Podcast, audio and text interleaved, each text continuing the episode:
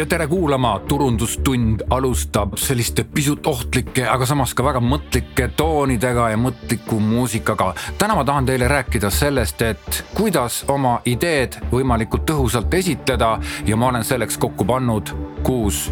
punkti. mikspärast just kuus punkti, ma ei teagi, täpselt nii palju neid punkte tuli, aga ma mõtlesin niipidi, et ma olen päris palju rääkinud viimastel aastatel sellest, et kuidas teha ideid, kuidas kirjutada reklaamtekste. olen hinnanud neid ideid nii Tallinna Ülikooli loengutel kui ka oma koolitustel kui ka oma e-kursustel äh, aadressil online.opima.ee ja tegelikult siin ongi üks sihuke suur vajakajääk ja see seisneb selles, et aga kui sa oled idee loonud, et kuidas seda ideed siis esitleda, sellepärast et tegelikult algab idee esitlemine juba sellest hetkest pihta, kui sa seda ideed lood. kohe räägime kõigest lähemalt, olge lainel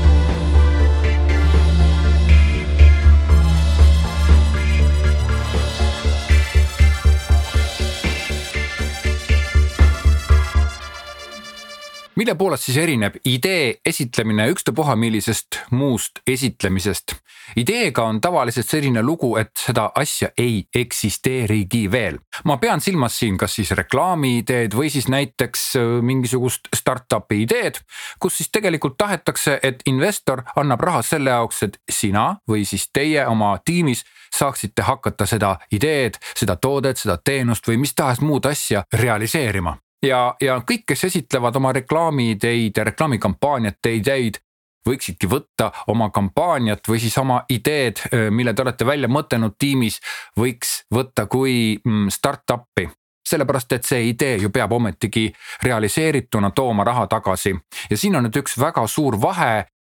siis võrreldes näiteks konkreetse tootega, näiteks mingisugune termostass, väga uudne, siis see tass on tegelikult olemas, tal on omad kindlad parameetrid, tal on oma kindlad argumendid, siis idee puhul tuleb see kõik ise luua, tuleb ise rääkida ja seda on pisut raskem ja keerulisem esitleda kui olemasolevat toodet, mitte et olemasolevat toodet oleks siis nagu lihtne esitleda, kõik esitlused on ühtemoodi keerulised, aga lähme siis teema kallale. punkt üks idee esitlemine on alati strateegiline.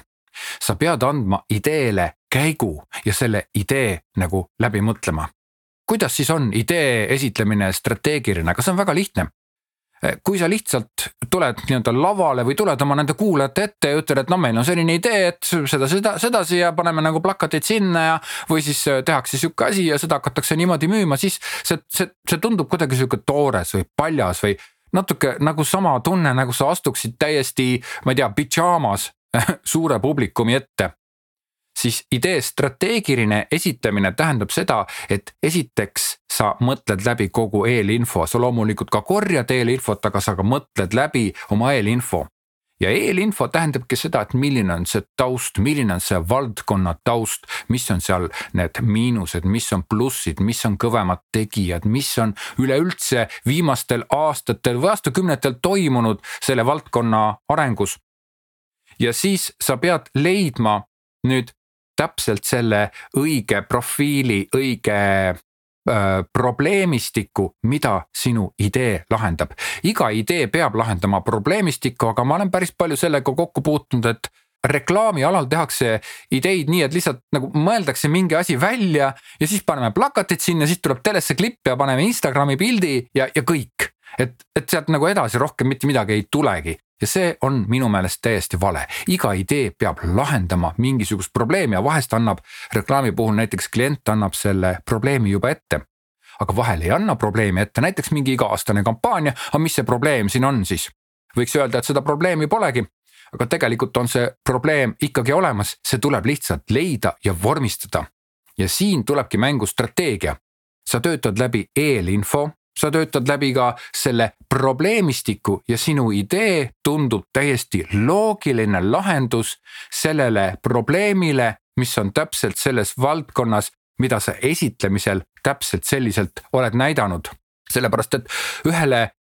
probleemile ja ühele valdkonna probleemistikule võib olla täiesti lõpmatu arv lahendusi, neid lahendusi võib igasuguseid olla ja muideks ma olen andnud oma reklaamtekstide kirjutamise koolitusel ühesid, ühtesid ja samu ülesandeid ja uskuge mind, iga kord ma üllatun, kuivõrd leidlikud võivad inimesed olla ja milliseid nagu selliseid ideid nad suudavad ühele samale lahendusele, kui palju erinevaid ideid nad suudavad välja käia, nii et ühele probleemistikule võib olla väga palju mm, lahendusi, väga palju ideid, mis lahendavad selle probleemi, aga nüüd sa pead seda probleemi ja seda valdkonda lihtsalt vastavalt näitama. Ja loomulikult eh, peab olema idee esitlemine ka strateegiline sedasi, et peale seda idee nii-öelda väljaütlemist kuhu sa jõudsid peale valdkonna ja probleemistiku, tuleb siis selle idee realiseerimine ja ka see realiseerimine peab toetuma kõik sellele, kuidas erinevate tükkidega sa suudad läbi selle idee lahendada, anda inimestele paremaid võimalusi, teavitada neid, teavitada neid ka leidlikult, mitte lihtsalt kasutades klassikalisi reklaamikampaania vahendeid ja mm, sealt edasi tuleb siis ka nagu lisalahendused, et mida see idee veel sisaldab, sellepärast et üks idee võib tegelikult sisaldada väga palju midagi sellist, mida võib-olla hetkel selle idee müümisel ei olegi nagu nõutud, ei ole tahetud, ei ole nagu, ei ole nagu reaalne kõiki asju kohe teostada, aga samas sul tuli mõtteid, kuidas seda ideed ägedamini saaks teha, mida sealt pärast annaks teha. ja nüüd peale selle, kui sa oled rääkinud ära, kuidas siis ideed realiseerida, tulevad veel need lisalahendused, mida selle ideega näiteks järgmine aasta veel annaks teha. kuidas näiteks see tootmisliin, mis kasutab nagu taastuvat energiat, mis ise toodab seda energiat, eks ole, mingi tootmisliin, näiteks sihuke startup, eks ole, et millised võimalused sealt veel avanevad niimoodi, et idee esitlemisel peab olema kogu käik strateegiliselt paika pandud ja läbimõeldud. teine punkt. esitluse koostamisel kasuta alati esitluskava. nüüd see on selline punkt, et, et jah, võib-olla tõesti, kui sa oled kümme aastat ideid teinud ja neid müünud ja töötad näiteks reklaamiagentuuris või oledki nagu professionaalne selline inimene, kes aitab nagu noortel startup idel oma ideid müüa ja, ja või siis sa oled nagu kuidagi teistpidi nagu seotud idee müügiga, siis tõepoolest iga kord ei olegi aega seda esitluskava mm, koostada. aga tegelikult äh, esitluskava on mingi sihuke väga lihtne asi ja seda on lihtne teha. mis see esitluskava siis on, see on lihtsalt kirja panduna iga slaidi või slaidide komplekti kohta, paar-kolm slaidi, lause või paar lihtsalt, millest me siin räägime, näiteks sissejuhatus, kuidas me sisse juhatume, kuidas me selle oma teema sisse juhatame, kas me tutvustame ennast, kas me räägime üldse valdkonnast või üldse räägime näiteks mingisuguse loo, mis seostub selle valdkonnaga. nii et esituskava annab siukse mm, väga põgusa mm, pilguheidu kogu sinu esitusele ja ta mahub ära väga vabalt väikese notepad'i või mis tahes lihtsa teksti editori emaili sisse mahub ära, nii et seda saab ka väga lihtsate vahenditega saata oma tiimiliikmetele, nendele, kes nagu töötavad koos sinuga, võib-olla mõnele sõbrale kontrollimiseks, et kuidas sihuke esitus sobiks. ja kui on näiteks tiim, siis esitluskava võimaldab tiimis väga lihtsate vahenditega planeerida esituse koostamist, nii, sina võtad selle punkti, sina too, otsid siia need visuaalid, sina otsid siia need andmestikud, sina aitad kujundada seda, otsid välja mingisugused temaatilised kujundused, mida maailma, maailmas on tehtud ja nii edasi, ehk siis esitluskava on omamoodi ka sihuke tegevuskava ja veel üks oluline punkt, miks on esitluskava väga oluline.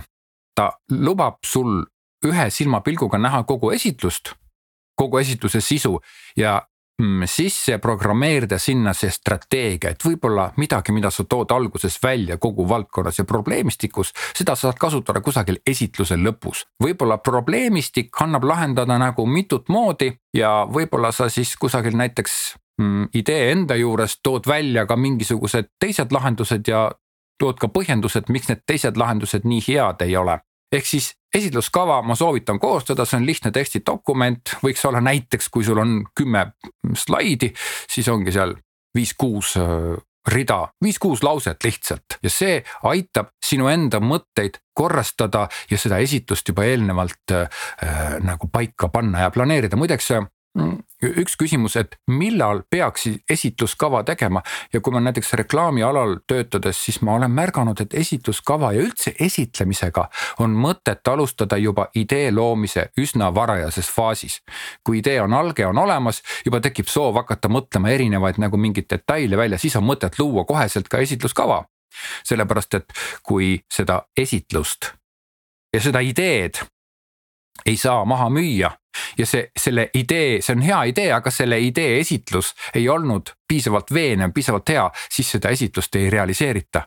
aga kui terve tiim teeb tööd näiteks nädal aega ühe idee esitlemise nimel ühe idee nimel, siis ja seda ideed ei osteta ära, sellepärast et see esitlus oli võib-olla kuidagi formaalne või ta ei mõjunud, siis on selle tiimi nädala aja töö täiesti mõttetu ja luhta läinud.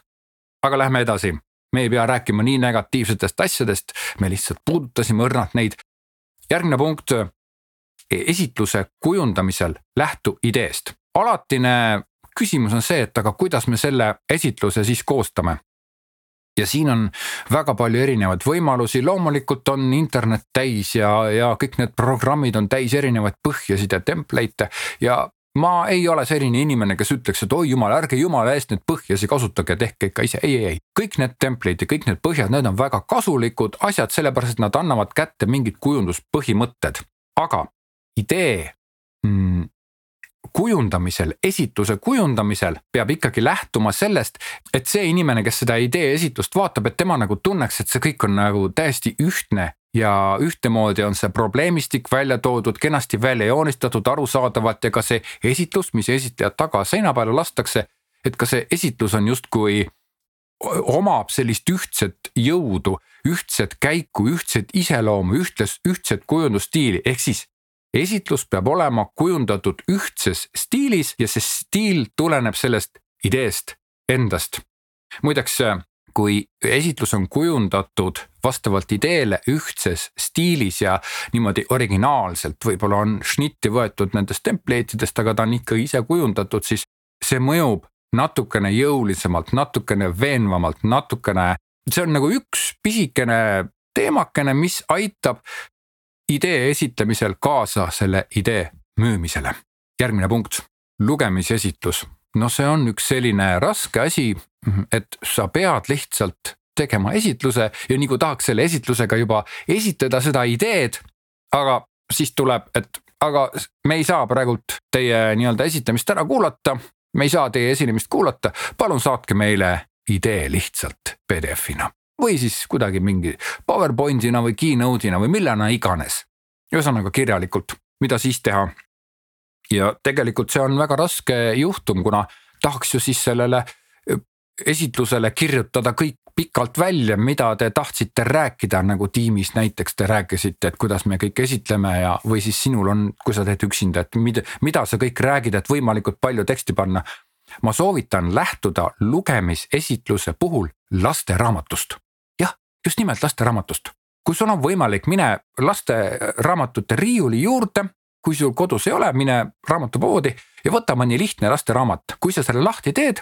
siis seal on ilmselt midagi niimoodi, et kuidas vot Peetrikene läks aeda suvel õunu korjama, nüüd on siis see Peeter, kellel on korv käes ja üleval on tema juures kiri, eks ole, näed, Peeter läheb aeda õunu korjama ja seal taga on õunapuu pilt, järgmisel lehe keerad järgmise lehe. nüüd on Peetrikene oma, oma korviga juba õunapuu all ja kas siis nopib siis õunapuult neid õunu või siis võtab maha kukkunud õunu, korjab mida iganes ja üleval on tekstikene, et Peeter jõudis õunapuu alla ja korjab nüüd õunu. ehk siis see lasteraamatu laadne esitusviis on äärmiselt veenev, ta on äärmiselt lihtne, ta on äärmiselt arusaadav ja mis kõige tähtsam, see esitluse strateegia, mida mina nimetan strateegiaks, on siin puhul tegelikult nagu lugu. ehk siis, kui sa selle esitluse saad ja hakkad alguses sirvima, siis sa vaatadki nagu mingit lugu, mis lõpeb sellega, et ta jõuab viimasele slaidile see, kes seda esitlust nüüd vaatas. ja selline oleks siis kõige ideaalsem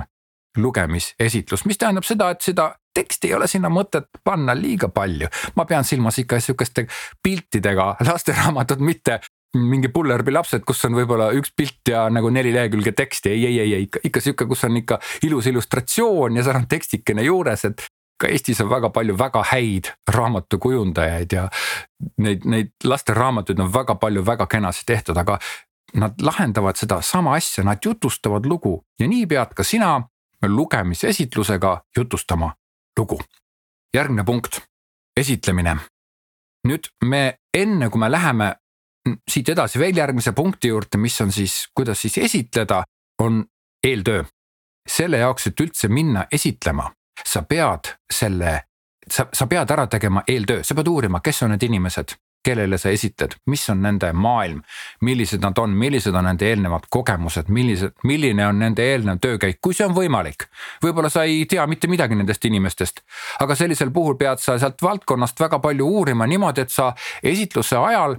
ei oleks nagu teadmatuses, vaid sul oleks oma võimete piires võimalikult palju äh, taustainfot selle kohta, kus kohas sa oled, kellele sa esitled, millises asutuses, millises valdkonnas millises olukorras sa esitled, võib-olla ne, võib-olla nad tahavad sinu käest ideed saada lihtsalt nagu selle jaoks, et neil eelmine idee läks metsa, eelmine kampaania kukkus läbi.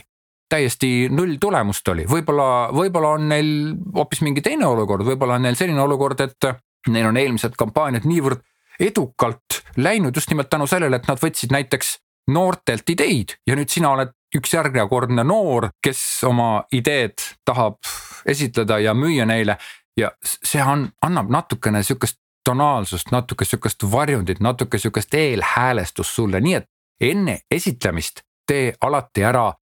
eeltöö. uuri välja nii palju, kui sa saad, lisaks sellele, et sa uurid nüüd konkreetse nii-öelda olukorra kohta, sa pead uurima ka valdkonnast lisafakte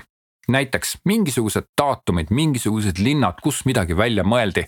mingisugused numbrid, äkki mingi statistika, igaks juhuks mine otsi mingisugused statistikad, mingid graafikud, mingid numbrid. millised on üldse valdkonna käibed, millised on üldse valdkonna tooted, millised on maailmas levinud mingisugused sellised noh, tendentsid ja trendid ja, ja võib-olla millised on maailmas teised näiteks nimed või teised ideed või millised on konkurentide ideed, millised on konkurentide toodete eripärad ja nii edasi, kõik. Seda peab muidugi ka eelnevalt uurima, aga üks asi, kuidas sa saad ennast idee esitamisel võimalikult tugevalt tunda, ongi see, et sa oled valdkonnast tekitanud endale mingisuguse pildi, sul on valdkond selge ja sa tead valdkonna probleemika,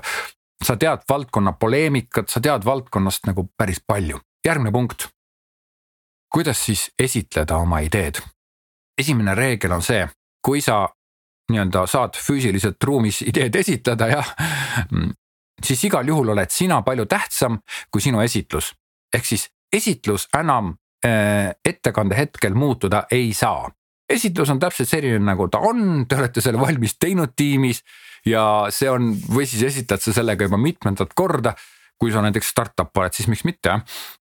siis esitluse hetkel see enam ei saa muutuda, aga sina saad oma esinemist muuta. Ja sina oled see kõige tähtsam asi, mis selle esitluse hetkel üldse selles ruumis ja sellel, selles kohas on. kõik, kes sind kuulavad, peavad eranditult kuulama sind ja vaatama peale, vaatama kõrvale siis esitlust, ehk siis sina oled tähtsam kui esitlus esitlus peab sind toetama, mitte et sina pead esitlust toetama, et kui sina oled selline lihtsalt sihuke tagasihoidlik, kes vaatab järgmist punkti ja ütleb, et näete, siin slaidil on see, siin slaidil on teine. aga kuidas nüüd esitada siis niimoodi, et see esitlus oleks sujuv ja siin ei olegi nagu mingisugust muud lahendust, kui et sa pead eelnevalt läbi proovima. kui sul ei ole tiimi, kui sa teed üksinda seda ideed, sul ei ole näiteks tiimi, keda paluda kuulata ja kanda kogu esitlus ette, siis sa teed seda üksinda kodus eelmisel õhtul mitte samal hommikul, aga eelmisel õhtul ja telefoniga niimoodi, et sa filmid oma esitluse üles ja ei pane mitte seda nagu esimest kaamerat, mm, ütleme, kus on see sinu pilt näha ja kus siis kaamera filmib, et sa ei näeks ennast, vaid paned selle kaamera tagumise, telefoni tagumise kaamera, paned riiuli peale, kaamera vaatab sind ja sina näed ainult pisikest täpikest ja sa pead esitama ja kujutlema ette, et sul on, sinu ees on inimesed, kes sind kuulavad. pärast sa saad siis oma esitlemist vaadata ja muideks, see on ka selle jaoks väga tähtis, et sa näed, kui pikk see esitus on. kui esitus läheb liiga pikaks, mis on ebatõenäoline, tavaliselt üksinda esitatakse kiiremini, siis igal juhul sa, sa saad seda esitust teha kiiremini, kui sa esitad võib-olla liiga põgusalt. nojah, meil on siin niimoodi, niimoodi, niimoodi, niimoodi ja kõik, eks ole, et siis noh, siis, siis jääbki sihuke tunne, et võib-olla see esitlus on nagu kuidagi nagu idee on nagu okei okay,, aga see kuidagi nagu, nagu ei mõju veenvalt või see ei ole nagu piisavalt põhjalikult lahti selgitatud, ehk siis sa ei ole viinud oma kuulajaid sinna loo sisse. aga kui sa ennast telefoniga filmid ja pärast seda läbi vaatad, siis sa näed, sa tunnetad ise, et kuidas see mõjub. teine asi, et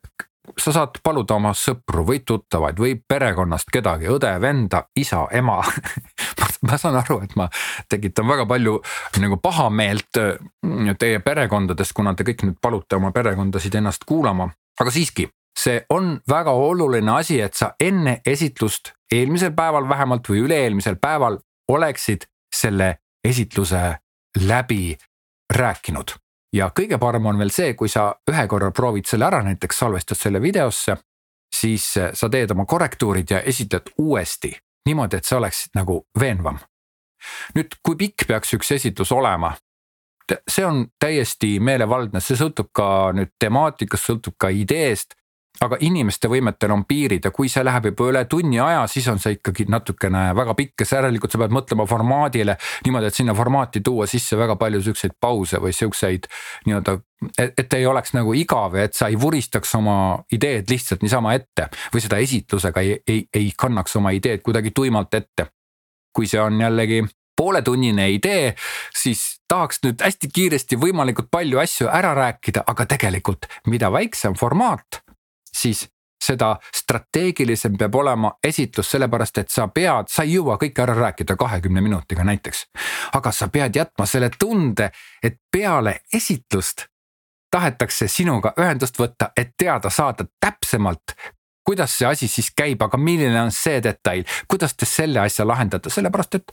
kahekümne minutilise esitlusega sa saadki põhiasjad ära rääkida võib-olla kui sa väga kiiresti räägid, siis sa jõuad ka rohkem rääkida. nii, Need olid toodud siis sellised väiksed näited, minupoolsed näited. tegelikult ma olen istunud ma olen loomulikult ka ise väga palju esitlenud oma reklaamiagentuuri aastatel, aga ma olen ka istunud mitmel esitlusel, kus mina kuulan teiste esitlusi ja ma pean ütlema, et meelde kipuvad jääma need esitlused, mis räägivad lugu, mis jutustavad mingisugust lugu ehk siis, kui sul on idee, siis alati püüa ikkagi jutustada seda lugu ja too sinna alati sisse iseennast kuidas siin iseennast sisse tuua, no näiteks niimoodi, et aga meie mõtlesime oma tiimis, et kui me mõtlesime, leidsime nagu sihukese idee, meil tuli sihuke idee ja siis tegelikult mul oli eelmine aasta oli veel mingisugune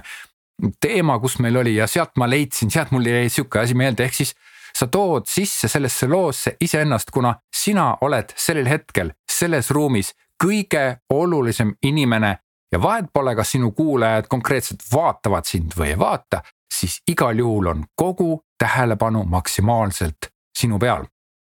sellised olid siis kuus punkti.